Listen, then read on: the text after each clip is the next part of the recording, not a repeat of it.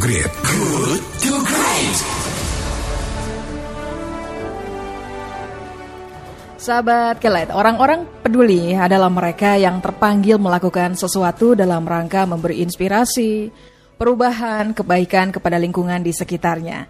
Ketika ia melihat sesuatu keadaan tertentu, ketika ia menyaksikan kondisi masyarakat, maka dirinya akan tergerak melakukan sesuatu. Adalah sosok seorang bernama Deden Hardiawan yang memiliki rasa peduli yang begitu tinggi hingga tergerak hatinya untuk membantu korban-korban bencana alam.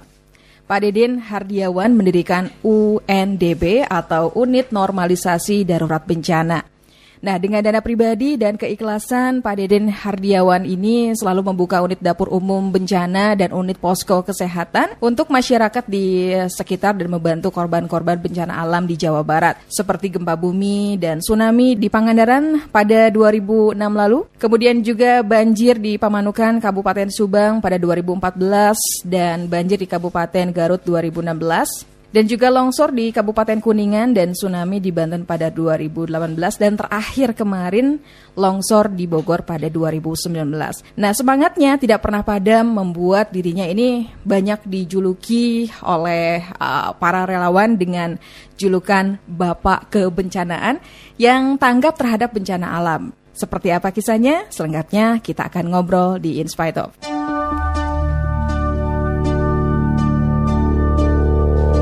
In spite of. In spite of.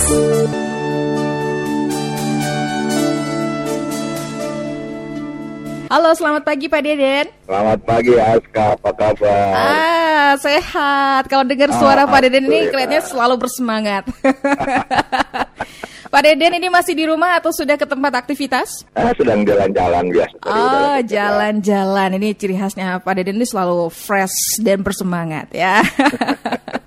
Akhirnya bisa wawancara Pak Deden nih. alhamdulillah.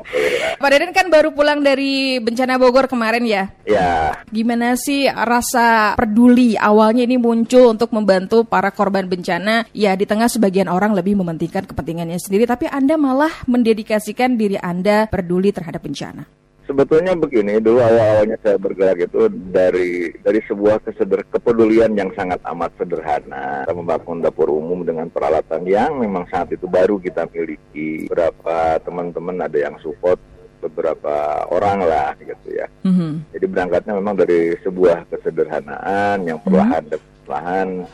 Aska waktu itu saya bergerak tanpa bendera apa pun loh. Masih atas nama pribadi ya? Ya pribadi, Mhm. volunteer, hanya sekedar mengandalkan trust ya, rasa kepercayaan dari Mhm. teman. Karena ada beberapa teman-teman yang nanya, Den kamu berangkat ke sini atas nama bendera siapa gitu kan. Bendera hati nurani ya Pak Deden ya? ya bendera Allahu Akbar lillahi ta'ala. Lillahi ta'ala. Gitu ya. Mhm. percaya ke saya silahkan sumbangannya dititipkan tidak percaya ya sudah nggak usah dipaksakan gitu suatu sederhana Iya. tahun berjalan kemudian eh, apa namanya beberapa bencana kita bisa support Mhm. dan alhamdulillah sekarang beberapa teman-teman dekat lah gitu ya kita Alhamdulillah. Ya bisa bisa tergerak dan terkumpul ya?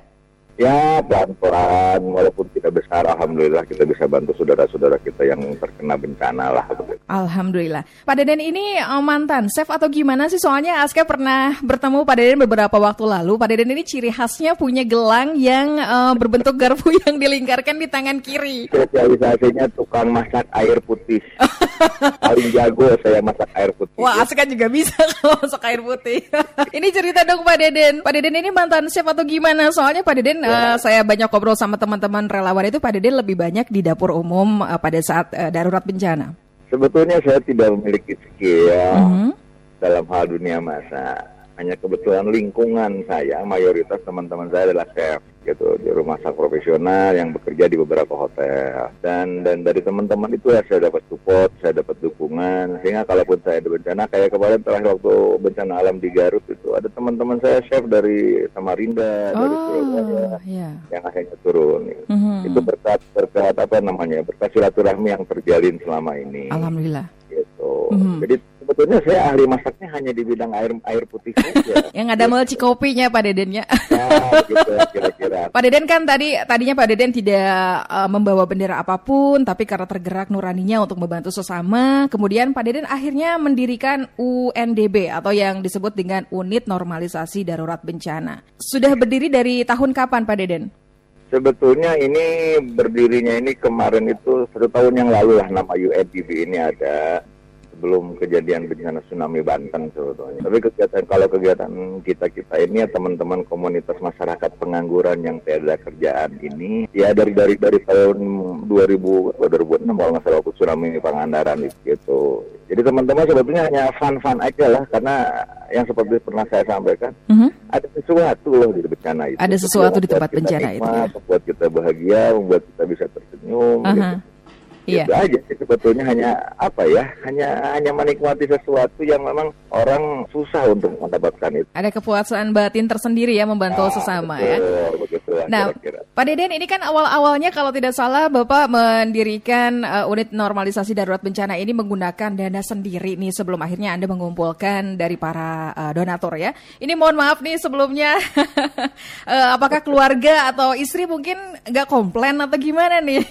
Ya alhamdulillah selama selama saya turun di kebencanaan, Aha. selama beberapa titik kali bencana, alhamdulillah keluarga semuanya support. Bahkan anak saya juga pernah ikut waktu di tsunami Banten, support semuanya. Kemudian juga apa ya, semuanya berjalan lancar-lancar saja lah. Skenario Allah luar biasa. Karena Memang ya. niatnya lillah ya. Jadi Allah Ya. mudahkan ya. Anak-anak Anda juga turut membantu menjadi relawan ya? Ya waktu tsunami Banten anak yang laki-laki turut dari awal sampai akhir. Ya bela di, diajak untuk belajar lah pelan-pelan. Bahkan saya sempat mendengar juga Anda sampai menjual mobil, velg mobil dan lain sebagainya yang ada di rumah. Jangan ngomong lagi ya, itu. Nah, untuk membantu sesama Anda sampai segitunya kan? Nggak, nggak, nggak. Saya hanya pembuktian saja bahwa janji Allah itu rezeki yang tidak diduga-duga memang akan datang tepat pada waktunya. Amin. Mhm. Manakala waktu itu saya memang membutuhkan anggaran untuk biaya operasional dan transportasi Mhm. kegiatan saya dan teman-teman di satu bencana dan kebetulan saat itu sedang ya sedang memang tidak punya uang. Ya ternyata skenario Allah luar biasa gitu.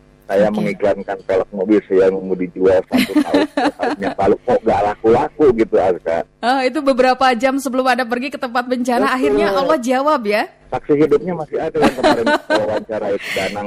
Iya, iya. Beliau juga relawan ya. Nah, Ya, Pak Deden, begitu. Pak Deden ini saya eh, saya dan sahabat Kelat ingin tahu nih apakah ada cerita eh, cerita yang menarik di saat Anda membantu para korban di tempat bencana. Apakah ada cerita menarik? Uh, saya ada sesuatu yang yang yang yang menarik pada saat itu saya sedang menanggulangi 45 kepala keluarga korban tsunami Pangaya tsunami Banten kemarin terakhir. Mereka ngungsi ke satu bukit namanya Bukit Mataram tanpa listrik, Mhm. tanpa air bersih, bahkan mereka ya karena karena di pengungsian di atas bukit gitu ya. Manakala satu pagi saya sempat mengirimkan makanan ke atas bukit tersebut, kemudian saya datengin satu persatu tiap tenda, Mhm. Seorang nenek tua berkata dengan satu senyuman orang yang sudah sepuh gitu. Saya penuhun pisannya, sangun aja maneh hanet kene katampi pisan kuma. Aduh, merinding banget saya dengarnya, Pak. Hanya dengan kalimat itulah lelah, capek, susahnya kami-kami semua di lapangan bisa Mhm. terobati gitu kalau buat Mhm. saya. Lihat senyuman seorang ibu-ibu yang sudah sepuh, yang Iya, saya dengarnya juga merinding nih, Pak Deden. ya banyak ya tiba-tiba seperti itu. Waktu kemarin waktu banjir bandang di Garut tanpa Aha. diduga, tanpa diperkirakan, tanpa Mhm. direncanakan, kita Mhm. mau pembubaran tim pada saat itu dengan pengurus RW. Eh, suku juga ada orang-orang pagi-pagi kan bawa domba. Pak ini kebenaran katanya mau dengar-dengar Pak dia mau mau mau mau selesai tugas Garut, gitu, mau Mhm. pembubaran panitia ini kebetulan ada domba anak saya mau saya mau ekahan anak tolong aja buat kambing guling. Nah ini Pak Deden kalau tidak salah selain Anda membantu di dapur umum juga Anda membantu eh, rumah-rumah warga yang runtuh, rusak, bahkan ada rumah warga yang amblas hilang semuanya.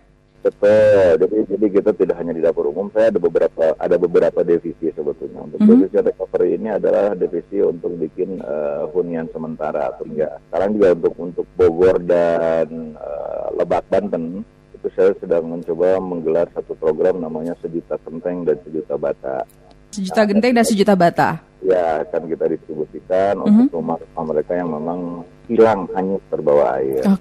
Jadi kalau di Lebak Banten itu di desa Susukan, Kecamatan Sajira itu ada tiga RT yang rumahnya rata hilang semuanya. Banyak Banten sekali ya Pak Deden itu ya. Banyak banyak kalau kalau dijumlah jumlah dari dari mana dari dari Bogor sampai Mhm. ke Lebak Banten. Iya. Ratusan mungkinnya rumah yang hilang. Iya, oke. Pak Deden, Pak Deden ini kalau tidak salah usianya sudah kepala lima ya, lima lebih lah ya. Jangan. Kalau ini baru kepala Tidak, ini maksudnya ini menjadi inspirasi bagi banyak orang, termasuk juga se- semua sahabat kilat yang ada di Bandung, Jawa Barat dan Indonesia. Dengan usia Anda yang segini, Anda tuh masih apa ya, masih gagah perkasa untuk turun ke tempat-tempat bencana. Bahkan ini saya sempat ngobrol sama beberapa relawan dan juga beberapa petugas. Ini Pak Deden ini eh, apa? Selalu sehat, selalu fresh dan selalu tenaganya tuh nggak habis-habis katanya gitu ya. Sampai Anda setiap bencana itu selalu ada dan reka-reka relawan juga para korban menjuluki Anda sebagai bapak kebencanaan. Itu apresiasi yang sangat luar biasa. Dari mana saya mengapa-apa? saya bisa turun ke bencana dan segala macam ini karena skenario Allah saja. Iya, yang saya lihat ini seperti girah ya Pak ya. Bapak itu Ya. sampai berlinang air mata ketika menceritakannya kepada kami.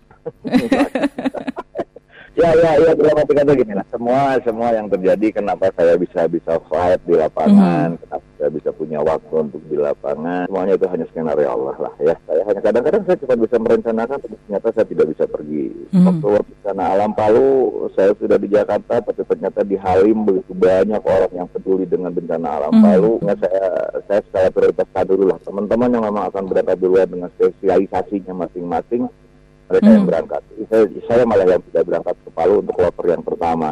Baik. Jadi semuanya memang sudah sudah terskenario, hanya menjalankan saja apa yang memang apa namanya memang harus saya lakukan dan bisa saya lakukan. Ini yang terakhir nih Pak Deden di perbincangan kita. Apa nih yang mau disampaikan kepada sahabat Kelet sekaligus apa pencapaian Anda ke depannya terutama untuk peduli terhadap sesama? Kalau saya boleh mengajak teman-teman, janganlah berpikir menyumbang itu atau membantu saudara kita itu dengan bentuk yang memang memaksakan harus besar. Kadang orang mau nyumbang 100 ribu, aduh saya malu, eh nyumbangnya cuma 100 ribu gitu ya. Saya pikir nggak usah berpikir seperti itu. Kalau menyumbang, menyumbanglah dengan senilai seberapapun. Mhm. Karena sekarang saya program program saya yang sekarang kan sejuta kenteng dengan sejuta bata Mhm. harga kenteng paling 1.500 ya jadi anak-anak kita pun mari kita sama-sama aja satu keluarga misalkan aja ibu dengan tiga orang anak masing-masing menyumbang 10 buah kenteng kan hanya hanya 15 ribu ya. Mari kita sama-sama untuk memberikan bantuan itu sekecil apa pun karena manfaatnya sangat besar buat mereka gitu. Karena mereka di lapangan saya tanya Pak kapan mau kebangun rumah? Ah Pak kapan atuh ya?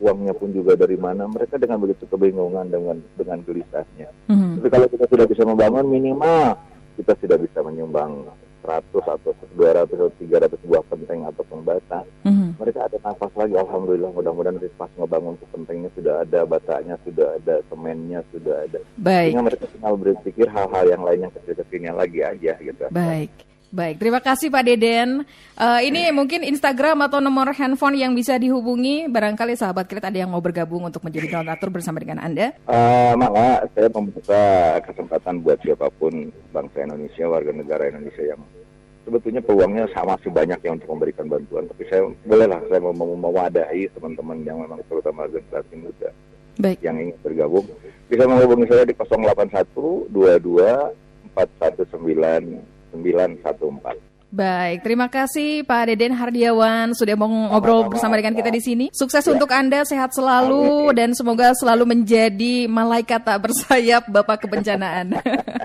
terima kasih, selamat pagi, selamat beraktivitas Pak Deden. Selamat pagi Aska, terima kasih. Assalamualaikum warahmatullahi wabarakatuh. Waalaikumsalam warahmatullahi wabarakatuh. Demikian sahabat Kelet, Pak Deden Hardiawan, pendiri UNDB atau Unit Normalisasi Darurat Bencana, sosok yang menginspirasi kita untuk peduli akan lingkungan sekitar. Ingatlah sahabat Kelet, sebaik-baiknya manusia adalah yang paling bermanfaat bagi manusia lainnya. Good to Great. Good